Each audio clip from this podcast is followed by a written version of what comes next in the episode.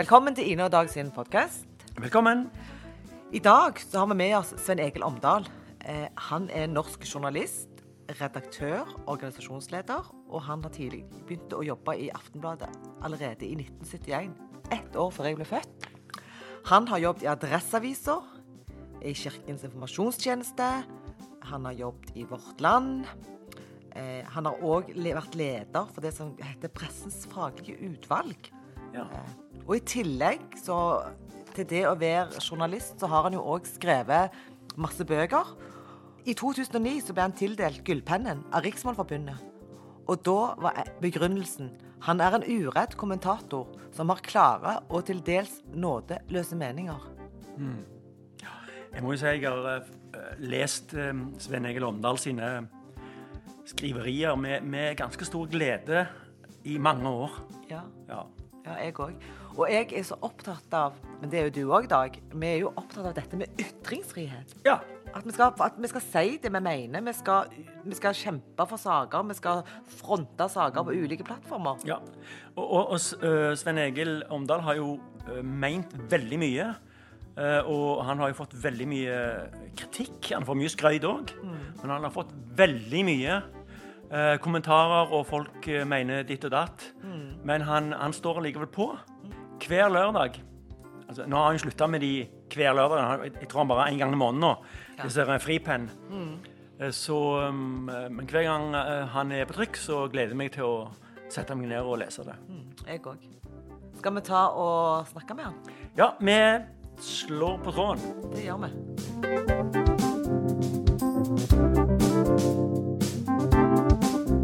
Velkommen så mye til oss, Svein Sven Egil Omdal. Eh, Det var kjekt at du hadde lyst til å være med oss. Ja, takk skal dere ha. Takk for invitasjonen. Ja. Og det er jo mange som kjenner deg, eller kanskje tror at de kjenner deg. Kanskje du forteller litt om deg sjøl? Hmm, oi. Ja, jeg er jo Siddes fra Stavanger, fra Sølvberget. og har eh,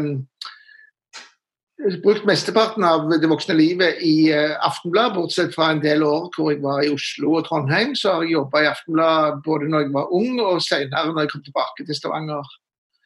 Og så er jeg eh, byentusiast, eh, vikingtilhenger og um, gift med to voksne unger. Og kona som òg er kollega. Ja. Og så lurer jeg på, har du noen Du sa jo litt nå at du likte byen og du likte Viking, men har du noen, noen andre hobbyer, noen ting som du liker å holde på med?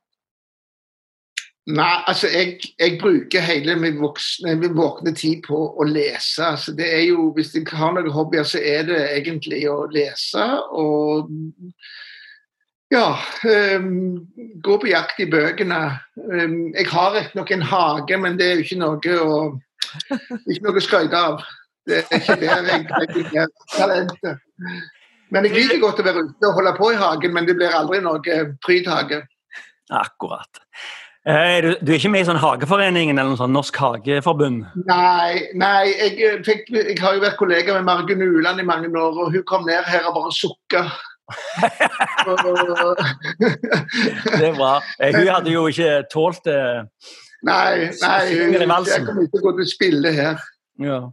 Du, eh, de fleste som eh, altså, Noen har sett deg som foredragsholder, og, men veldig mange har jo lest det du har skrevet. og Du er jo kjent for å ha en veldig god penn. Altså, du, du skriver godt. Eh, når jeg skriver Jeg liker sjøl ikke å skrive, men jeg er veldig glad i å bli ferdig og ha skrevet noe. Mm. Hvordan er det med deg? Når oppdaget du at du var flink til å skrive? Hvordan, hvordan ser du på skriveprosessen? Jeg tror jeg mest, Første gang jeg ble bevisst at jeg likte å skrive, var når jeg, um, vi fikk en skolestil som en hu, Et hus forteller sin historie på, oppe på Storhaug skole. Og så skrev jeg en kladd på 16 sider. Um, og så fikk jeg jo panikk, for jeg skjønte jo at vi hadde bare 20 minutter å føre den inn på. Men da var jeg, hadde jeg gått meg helt vill i denne historien, sånn at den, ble, den bare este ut. Og siden det så skjønte jeg at hvis det var noe jeg likte, så var det det å så sitte ned og, og, og skrive. Men jeg har det sånn som deg. Selve skriveprosessen er nesten smertefull. Ja. Det er nesten sånn fysisk eh, vondt av og til å sitte og skrive. Sånn at Mm. følelsen etterpå er, er helt fantastiske. Ja, det, det er akkurat sånn jeg har det. Altså, det var kjekt å høre at, eh, at eh, jeg deler den erfaringen med andre. Ja, jeg òg er jo glad i å skrive, og jeg har det ikke helt sånn. Jeg syns det er veldig kjekt med å være i den der prosessen, altså. Det synes jeg. Men det er jo godt å bli ferdig. Det Ja. jeg. Det er liksom, det er en enorm konsentrasjonsøvelse eh, hvor du sitter og stirrer på den hvite skjermen og prøver å stable ord etter hverandre. Og når du endelig kan slappe av, da, så er det som antag- Jeg tenker at det må være som en, som en idrettsøvelse. At du er enormt konsentrert og yter maksimalt når du står på, og så, og så får du en sånn nesten sånn reaksjon etterpå. Ja, ja. Du, du har jobba Du nevnte jo det innledningsvis. Du har jobba lenge i, i pressen. Hatt mange roller. Um, etter det som jeg har klart å finne ut, så begynte du i Aftenbladet i 1971. Eller 71, som det heter. Uh, hva har forandra seg mest? Eh, det som forandrer seg mest, er jo selvfølgelig at eh, du, der er, der er en deadline. Når jeg begynte i Aftenbladet, 18 år gammel, så var det sånn, da, da var Aftenbladet fremdeles en ettermiddagsavis. Sånn at vi trykte kvart på tolv om formiddagen. Og Det betydde at i verste fall, hvis det skjedde noe stort, så kunne vi levere manuskriptet klokka 11. Og så hadde folk aviser i postkassene klokka to-tre tider, Altså tre-fire timer etterpå. Det rare er at i dag så hadde Aftenbladet deadline på papirutgaven klokka seks dagen før. Mm. Sånn, og så får folkene i postkassen om morgenen. Sånn at det har gått enormt mye lengre tid Mm. mellom det blir, avisen blir avslutta til folk leser den. Til Mm. tross for den teknologiske utviklingen. Men på den andre sida så publiserer Aftenbladet hvis det er store ting på gang, 24 timer i døgnet umiddelbart. Mm. Det betyr at journalistene, dagens journalister de, de kan på en måte aldri tenke at det var deadline, vi er ferdige, nå kan vi gå i kantina og slappe av skikkelig. fordi at Hvis det er ting som utvikler seg, så, så må de være på skrudde hele veien. Mm. Så for, for de som er aktive i yrket som reporter i dag, så er det blitt en enormt mye mer stressende hverdag. Men eh, vi har jo fått eh, altså Det er jo mye teknologi som har endra seg, og, og folk har jo begynt å, å være litt sånn redaktører sjøl òg. De, de kommenterer eh, Jeg må jo si det at når jeg Hver lørdag så syns jeg det er veldig kjekt å lese det du har skrevet. Det er Fripenn-artikkelen. Og, og jeg begynner alltid med å, å scrolle ned til kommentarene. Mm. For at de er, er, det er noe som utmerker seg med kommentarer under det du skriver. Det er, det er veldig mange sterke meninger. Mhm. Eh, eh, k- Hvordan opplever du at plutselig folk eh, plutselig vil ha et ord med i laget altså med en gang? Ja, Det er jo en stor forandring for journalister. Når, når, når, før vi fikk nettet, så var det jo sånn at hvis vi fikk to-tre brev etter en artikkel, så var det jo storveies. Eh, spesielt hvis de var positive. Eh, I dag så må jo journalister lære seg å leve med at du blir uh, idiotforklart og sjikanert og, og kritisert, og for så vidt retta på. Mm. Og det er jo veldig forskjell. altså det, det, For meg er det sånn at det aller verste jeg kan oppleve i et kommentarfelt, det er hvis noen påpeker en feil i det jeg har skrevet, og det faktisk er feil. Ja. Eh, det at folk kjefter på meg, eh, det må jeg ta. eh, fordi at eh, når jeg har den talerstolen som Aftenbladet har gitt meg, så vet jeg at jeg har stor innflytelse. Mm. Og at folk da tar til motmæle, og at de gjør det kraftig, det, det må jeg bare akseptere.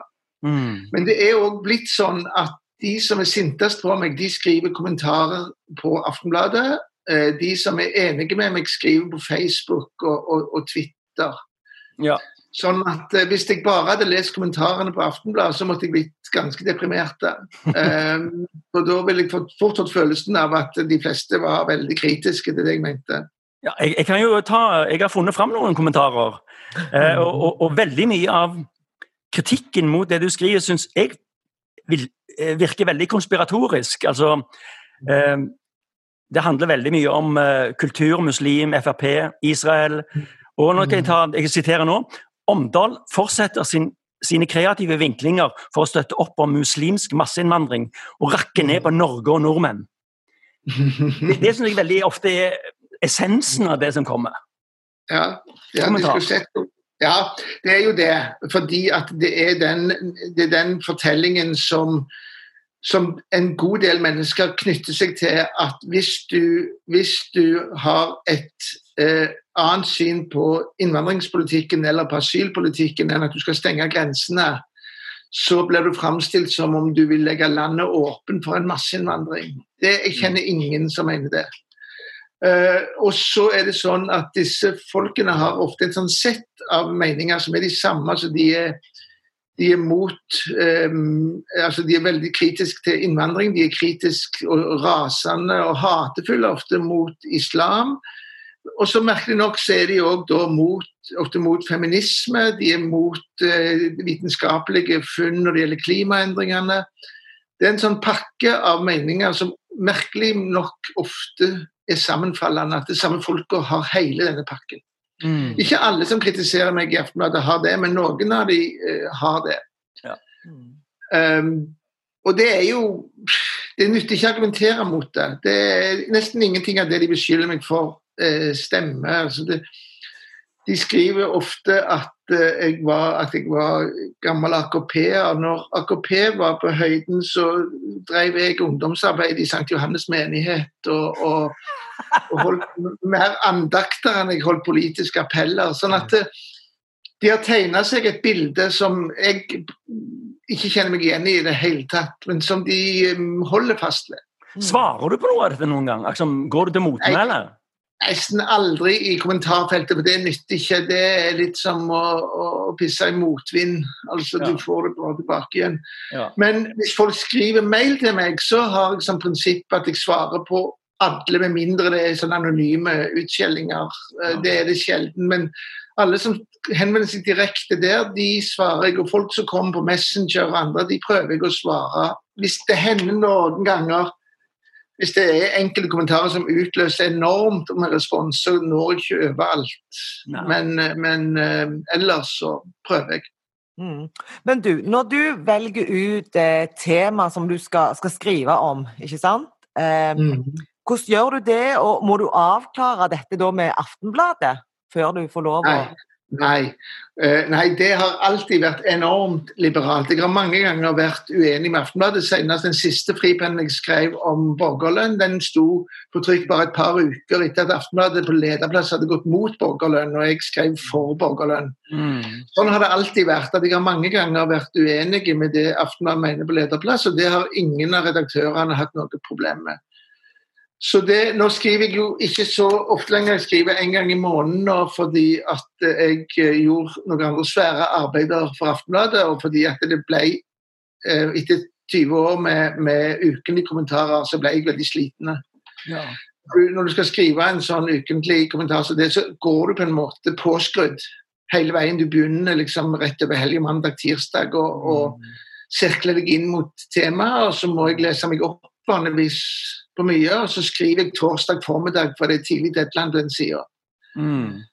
Så da går liksom store deler av uka med til å tenke på og, lese meg opp på det jeg skal skrive om. Og det mm, kan være tungt. Yeah. Du nevnte borgerlønn. Du har jo skrevet ei bok sammen med mm, kona di, mm -hmm. eh, Ingeborg Eliassen, som heter 'Borgerlønn'.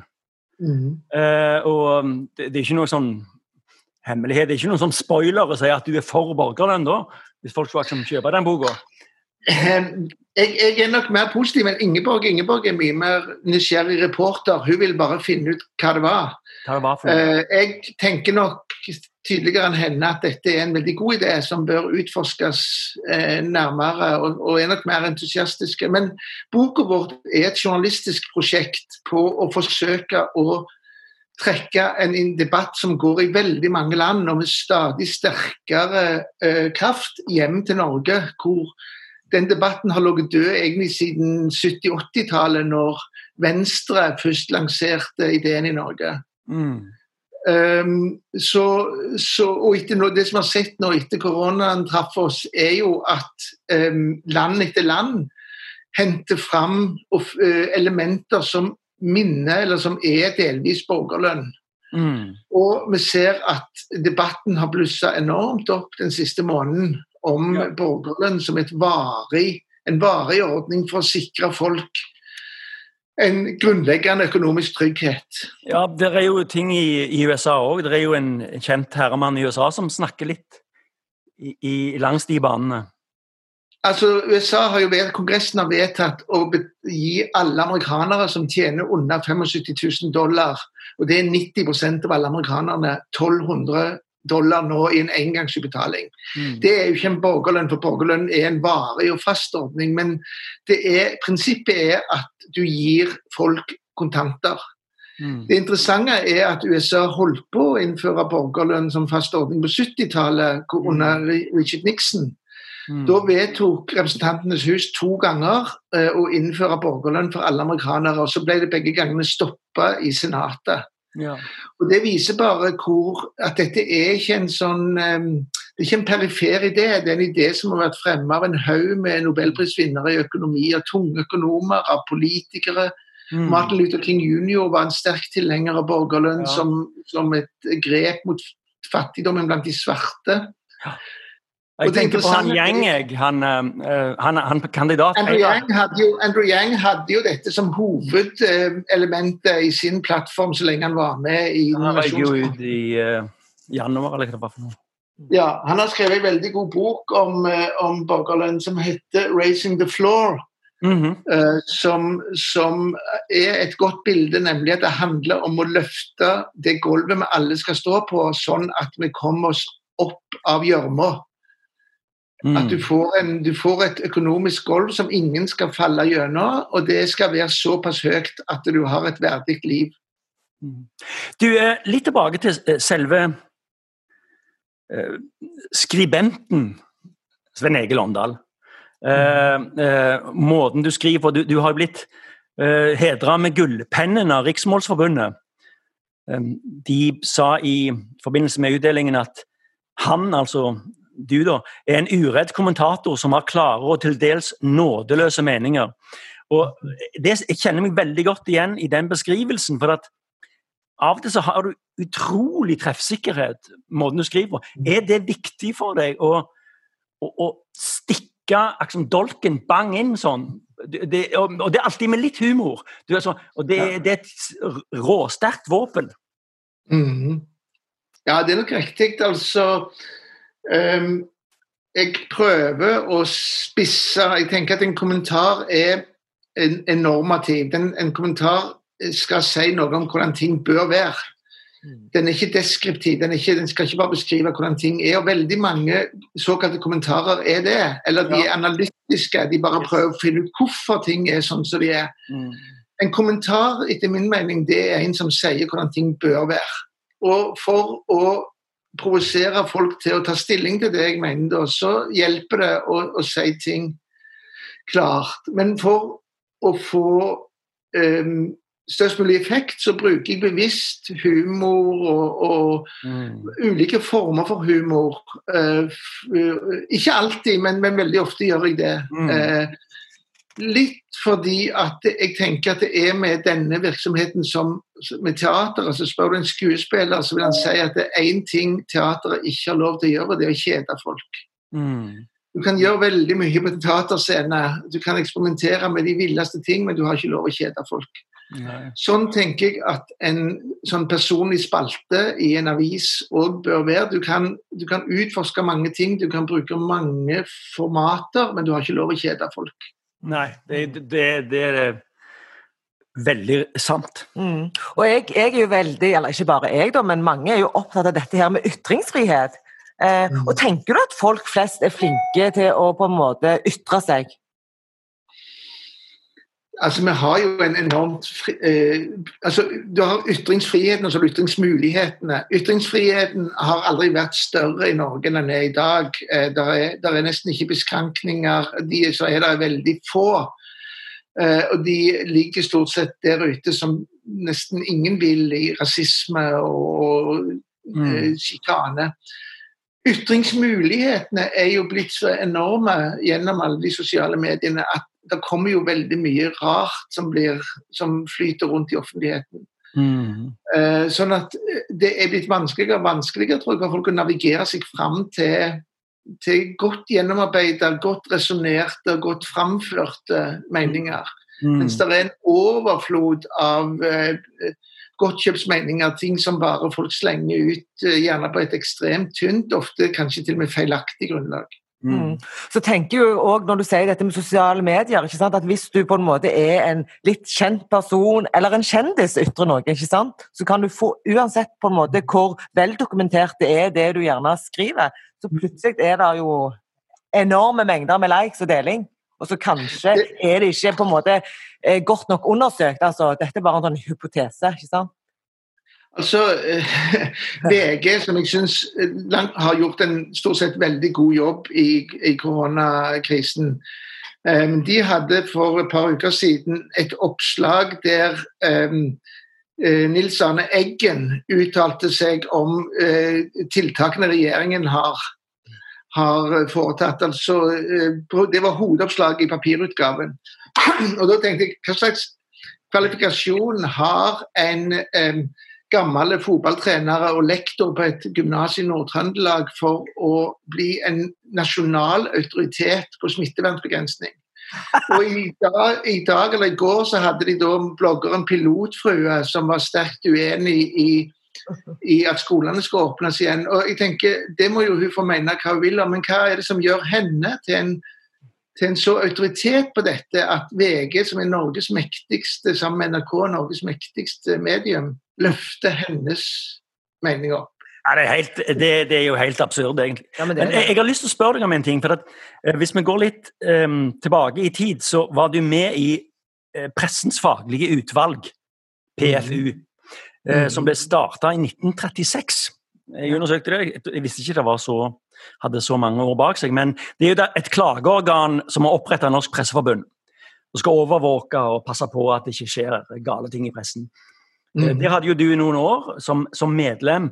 Og eh, kan du gi oss noen sånn veldig tydelige overtramp? Og mm. eksempel på kanskje noe som alle trodde var overtramp, men som var egentlig helt innafor. Mm. Det er kanskje vanskelig, men Har du noen altså, sånne absurde ting som har skjedd i, i FP, PFU? Uh, ja Altså, det er jo sånn at opprinnelig altså Vær varsom-plakaten, det er den som er fra 1936, som er, som er den som regulerer etikken i norsk, alle norske medier. Den var opprinnelig en ren kriminalplakat. Eh. Det var kriminaljournalistikken som ble regulert. fordi at den var helt, Hvis du går tilbake og leser aviser fra 30-tallet, så er det sånne bloddryppende detaljer, og de slår fast skyldspørsmålet, og de identifiserer familiemedlemmer. Så det ble en veldig reaksjon. Så du fikk da en plakat som skulle begrense dette, og det gjorde han. Mm. Sånn at i, i, stort sett så er norsk kriminaljournalistikk i dag mye mer um, ansvarlig enn den var da. Så ble han utvida, plakaten blitt utvida mange ganger. Jeg har vært med tre ganger på, og så de utvalg som har, som har, regulert plakaten. Fordi at etikken utvikler seg sammen med oss. Mm. Eh, samfunnet utvikler seg, og pressen utvikler seg, og etikken forandrer seg. Dermed så har plakaten blitt regulert mange ganger. Pressens faglige utvalg er veldig spesielt fordi det, det er Norge det eneste land i verden som ikke har noen offentlig regulering av innholdet i massemediene. Mm. Vi har bare pressens faglige utvalg, og det er fordi at den norske regjering fant ut at selvdømmeordningen der fungerer veldig mye bedre. Men Jeg skal gi et eksempel på en sånn ny måte å tenke på, som du spurte. Hva er det som har blitt bedre? Um, vi har en, det er en paragraf i plakaten, paragraf 4-8, som heter kanskje barneplakaten. Mm. Den pålegger journalister å tenke hva som er barnets beste, uansett hva foreldrene mener. Mm. Og den kom blant, etter eh, et forslag fra eh, Ann-Margrethe Austenå, som, som, eh, nå er leder for NOAS. Etter at Dagbladet og en del andre aviser hadde eh, latt eh, foreldre stå fram med ungene sine for å forklare og fortelle hvordan de ble mobba barn som, som ble mobba på skolen, som var sengevetere fordi de ble mobba. Og så sto mor der fram i avisa sammen med barnet sitt med navn og bilde. Eh, mor gjorde jo dette i beste mening for å stoppe mobbinga, men hun så ikke at du påførte barnet større skade ved å stå fram på den måten. Ja, visst. Og Da kom den plakaten som i dag pålegger redaksjonen å, ta, å være barnets advokat og ta et selvstendig vurdering på vegne av barnet. Den har vært brukt en god del ganger siden den ble innført eh, for en 20 år siden, eller kanskje snart eller 15 år siden. Og Det er et eksempel på hvordan vi utvikler etikken. Mm. Eh, de, de, de dummeste overtrampene de kommer ofte ikke i PFU fordi at eh, de eh, blir stoppa tidligere. så Redaktørene skjønner det, eller de får et råd fra sekretariatet om å løse dette i minnelighet. Mm. Men jeg tror nok hvis du går gjennom alle sakene som har vært, så vil der, er det jo selvfølgelig mye merkelige ting. Ja. Men er, er, det, er det sanksjoner? Altså hvis, hvis, det, hvis En hører ofte at de blir felt i pressens faglige utvalg. Mhm. So what? Hva, hva skjer da? Liksom? Det, er ingen, det er ingen stjerner å ha på CV-en at du er felt i Pressens faglige utvalg. Det som, de som blir felt i Pressens faglige utvalg, de må, den avisa eh, må trykke på godt synlig plass og med, med godt synlig tittel at de er blitt felt for å bryte varsomplakaten. Akkurat. Og folk som tror at det ikke svir, de skulle se alle de krumspringer som redaktørene gjør for å unngå å bli felt. Hvor ekstremt mye arbeid de legger ned i tilsvaret, og i veldig mange tilfeller så vet vi at uh, avisene strekker seg langt med å inngå uh, minnelige ordninger med klager for at de skal unngå å bli felt i Pressens faglige utvalg. Så uh, vi har funnet ut i Norge at en selvdømmeordning hvor skammen er eneste sanksjon, er mye mer effektivt enn de landene som har andre som har bøter eller andre sanksjonsmuligheter. Jeg har i bokhylla bak meg her eh, en, en svensk bok som heter 'Den norske modellen', som handler om å forsøke å fortelle svenskene òg at den norske modellen å håndtere presseetikken på er antagelig den fremste i verden. Mm. Så det har vi all grunn til å være fornøyde med. Når jeg tenker på den eh, Vær varsom-plakaten, så har jeg eh, min eh, liksom eh, tilknytning Eller det jeg forbinder den med, er jo dette her med, med selvmord, ikke sant? Eh, og før i tid altså Nå er jo, snakker jo pressen mye mer åpent om selvmord, men det de ikke gjør, er å gå inn på detaljnivå. ikke sant? Hva måte et menneske har, har begått selvmordet på. Og det syns jeg er bra. Eh, det syns jeg. Men jeg syns det er òg viktig at, at, at pressen kan skrive når et menneske har tatt livet sitt. Så eksempel sånn som Ari Behn, når det skjedde i første juledag. Men jeg lurte jo òg bare litt sånn, kanskje avslutningsvis Nå skjer det jo litt i forhold til regjeringen og Moria, og jeg er sikker på at du har noen meninger om det? Jeg mener jo altså jeg var veldig glad når Øyvind Jacobsen skrev i morgen som minner om etter å ha sett debatten i går, hvor Arbeiderpartiet la seg på Fremskrittspartiets linje eh, sammen med Høyre. Så, så skrev Øyvind Jacobsen og minnet om at de fire største byene i Norge eh, har alle bedt eh, regjeringa om å ta imot barn og enslige asylsøkere fra Moria-leiren. Alle de fire byene er ledet av Arbeiderpartiet. Mm. Eh, Der er heldigvis en stor og voksende opposisjon i Arbeiderpartiet som ser at eh, det blir meningsløst å snakke om solidaritet som, som grunnmuren for et parti som, som klarer å se på dette uten å gjøre noe. Så jeg mener som veldig veldig mange andre at eh, hvis ikke Norge skulle kunne slutte seg til de 10-11 landene i Europa som nå har sagt ja til å ta imot noen av de mest utsatte fra Moria-leiren, så skjønner ikke jeg hva slags land vi vil være. Dette er virkelig noe å skrive en eh, fripenn om, er det ikke det? Hæ? Jo, absolutt. Hadde jeg hatt spalte denne uka, så hadde nok det vært tema. Vi får se. Jeg skal skrive igjen i begynnelsen av mai. Vi får se hvordan det ser ut. Og Forhåpentligvis så har eh, flertallet på Stortinget tatt til vettet før den tid. De pleier jo å gjøre det hvis Ja. de får litt tid på seg. Men jeg, jeg, jeg, jeg må bare innom én ting. Eh, jeg vet, eller jeg tror jeg vet, at pressefolk er veldig flinke på Twitter. Eh, Mm. Er du en tvitrer? Ja, ja. Det, jeg vet ikke hvor mange tid jeg har skrevet. Twitter har vært et viktig verktøy for meg. Jeg, jeg, det er kanskje den viktigste informasjonskilden jeg har i dag, fordi at jeg følger så mange folk som følger så mange ting. Mm. At eh, jeg, for meg er det den aller viktigste teknologiske plattformen uh, nå. har, eh, grunnen til at jeg liksom kommer litt inn på det, det er at det er jo én person som har vært ekstremt flittig på Twitter. Han heter Donald Trump. Mm. Han har jo på en måte forandra veldig mye av um, i hvert fall den amerikanske allmuens sånn syn på pressen og, og the fake media og alt dette her. Bruker, Twitter er jo hans alternativ Mm. til, eh, til godt pressearbeid. Uh, og, og hvordan ser du på det? Altså, hvor langt fra Norge er den amerikanske Twitter-verden?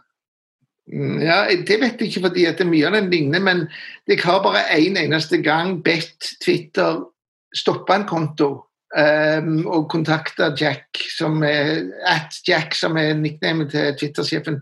Og det er Donald Trumps konto, for jeg mener Donald Trump bryter eh, alvorlig og konsekvent med de reglene som gjelder på Twitter, som andre får sin konto suspendert for.